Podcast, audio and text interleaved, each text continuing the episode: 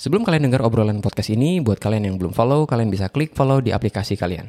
Follow dari kalian bisa bantu podcast ini makin berkembang.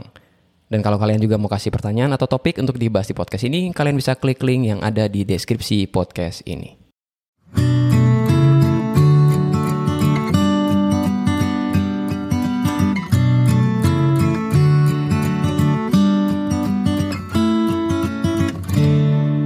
Selamat datang di podcast Pak Kris. Dan di episode kali ini gue masih bahas tentang tips untuk milih jurusan ya. Karena ini udah mau bulan Februari 2021 dan gue tahu ada banyak SMA yang denger ini anak anak anak SMA, aku malah SMA ya. Anak SMA yang lagi bingung untuk milih jurusan ya. Nah di episode kali ini secara khusus gue mau uh, kasih pendapat gue tentang tes psikologi untuk uh, kalian bisa ambil itu sebagai salah satu masukan untuk memilih jurusan nanti ya. Nah Uh, gue mungkin akan cerita sedikit tentang tes uh, psikologi ini ya. Di zaman gue, tes psikologi ini nggak banyak ya.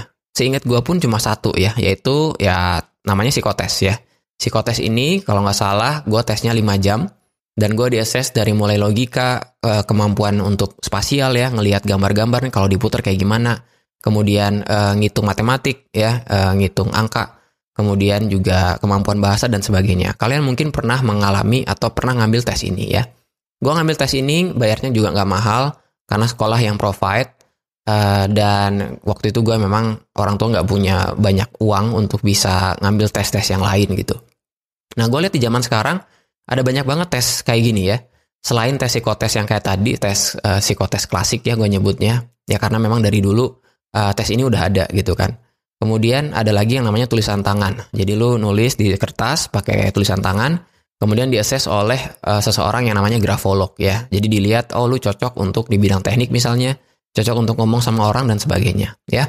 Kemudian muncul tes-tes yang lain seperti tes MBTI ya, Myers-Briggs ya, di mana kalau lu ngambil uh, assessment ini, jawab pertanyaan, kemudian lu akan masuk dalam salah satu dari 16 kategori ya. Nah, uh, mungkin ini disclaimer dulu, gue bukan psikolog, gue juga nggak merasa so tahu ya tentang tes psikologi ini. Cuma pendapat gue begini, tes psikologi itu hanya memberikan snapshot tentang diri kita ya. Gue istilahkan istilahkan sebagai snapshot karena cuma gambaran doang.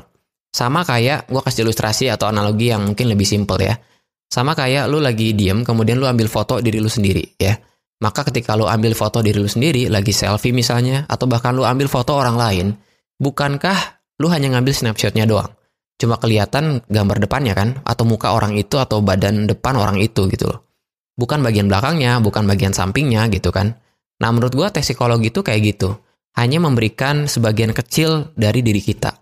Karena menurut gue, manusia itu kan kompleks gitu loh. Saking kompleksnya, saking rumitnya, menurut gue tidak bisa sekedar hanya dikategorikan dalam tes buatan manusia. Betul gak sih?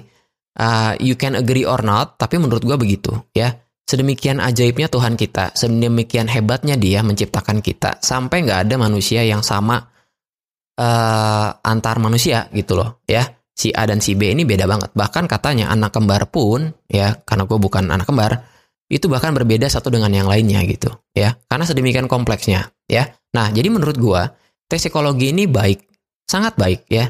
Ada tools buatan manusia yang bisa tahu diri lu kayak apa dan bahkan bisa membantu lu untuk mengambil pilihan karir.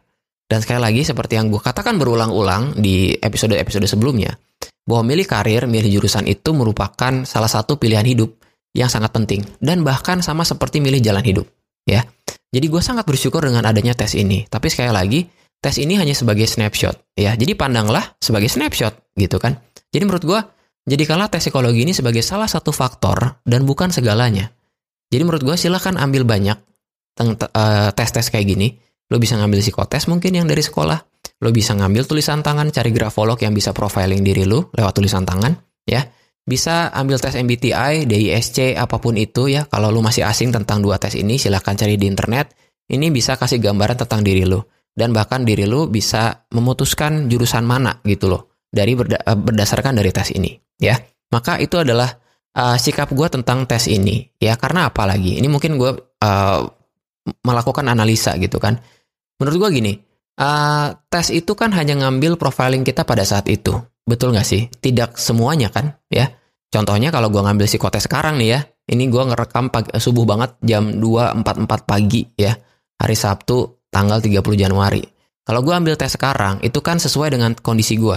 Kondisi gue yang mungkin lagi kurang tidur, lagi kurang makan. Ya oleh karena itu kalau psikotes lu disuruh untuk sarapan dulu. Karena memang berat gitu kan. Kemudian cara lu buat ngambil keputusan untuk milih atau melakukan assessment itu, itu tergantung dari keadaan lu ketika itu. Selain keadaan fisik, keadaan mental, dan juga keadaan-keadaan lainnya. Terutama keadaan hati, ya kan? Waktu lu lagi kesal ya mungkin lu nggak konsentrasi untuk ngerjain itu. Maka tes itu tidak akan memiliki uh, gambaran utuh tentang diri lu. Sama seperti snapshot, ya kan? Kalau lu cuman dandan di depan dan gak di belakang gitu kan, lu punya baju yang gak rapi bagian belakang, maka sebenarnya gak akan kelihatan. Kenapa? Karena cuma snapshot, ya. Jadi menurut gua sedemikian ajaibnya kita manusia, kita nggak bisa melihat tes psikologi sebagai segalanya. Karena gue banyak melihat juga anak-anak yang terjebak oleh tes seperti ini. Sekali lagi, gue tidak against dari tes ini, tapi kalau kita hanya melihat ini sebagai satu-satunya tolak ukur, maka menurut gue kita udah salah. Karena sekali lagi, menurut gue, menurut gue nih ya, dan gue bukan psikolog, tadi kan gue udah bilang di awal, gue juga bukan merasa so tau. Pandanglah ini sebagai salah satu masukan, ya. Lu udah tes ini, lu udah tes ini, tes ini, ya udah, lu ambil itu sebagai sebuah masukan. Karena ada faktor lain, contohnya minat dan bakat lu, persetujuan orang tua, ya kan? Banyak banget faktor gitu loh. Di, untuk untuk lu bisa memutuskan dengan bijak lu mau ke jurusan mana ya so Jadikanlah ini sebagai salah satu informasi untuk mengambil keputusan, ya. Karena sekali lagi tes itu uh, sedemikian uh, kompleksnya pun itu nggak akan bisa mendapatkan gambaran kita sebagai manusia yang seutuhnya, cila seutuhnya gitu kan, ya. Dan sekali lagi menurut gua lu ngambil tes itu adalah mengambil gambaran lu ketika ini, uh, ketika saat itu juga, ya. Sebagai contoh, gua ngambil tes MBTI beberapa kali dan biasanya uh, gua keluar atau tes itu mengeluarkan sekitar uh, eh, 1 sampai 3 profil ya. Jadi uh, tahun 2018 gua tes, 2019 gua tes, itu hasilnya bisa beda karena tergantung dari pengalaman gua, ya kan? Dan gua nggak belum ngambil lagi psikotes ya, tapi kayaknya kalau gua ngambil pun mungkin hasilnya bisa berbeda dengan waktu psikotes gua di SMA, ya. So, manusia itu sedemikian kompleksnya, manusia itu punya progres, dia mengalami begitu banyak perjumpaan, istilah gua perjumpaan dalam setiap pengalaman, ya dia punya rasa sakit hati, dia punya rasa trauma, ya, dan dia punya banyak uh, preferensi, baik itu dari tokoh idolanya dia, kemudian uh, film favorit dia yang juga bisa mempengaruhi diri dia gitu, ya. So, uh, silakan ambil tes sebanyak mungkin, tapi jangan jadikan itu sebagai satu-satunya referensi untuk lu ngambil keputusan, untuk lu mau ngambil jurusan apa dan mau berkarir di mana. Oke? Okay? Demikian untuk episode yang singkat banget untuk podcast ini, hanya sikap gua tentang atau pendapat gue tentang tes psikologi. Oke, okay? buat kalian yang anak SMA yang denger ini atau yang SMP yang mungkin sudah mikirin beberapa episode dari podcast ini memang gue dedikasikan secara khusus buat kalian yang sedang bingung untuk milih jurusan. Oke, okay? so consider untuk kalian follow dari podcast ini kalau kalian denger di Spotify ya atau ikuti IG gue untuk kalian mendapatkan ikut follow maksudnya ya follow IG gue untuk kalian mendapatkan update tentang episode yang terbaru. Oke, okay? thank you have fun, dan tetap uh, sehat ya. Dan jangan lupa bijaklah dalam mengambil jurusan. Karena apa? Karena ngambil jurusan dan ngambil karir itu merupakan salah satu pilihan hidup yang paling penting. Oke, okay? bye-bye.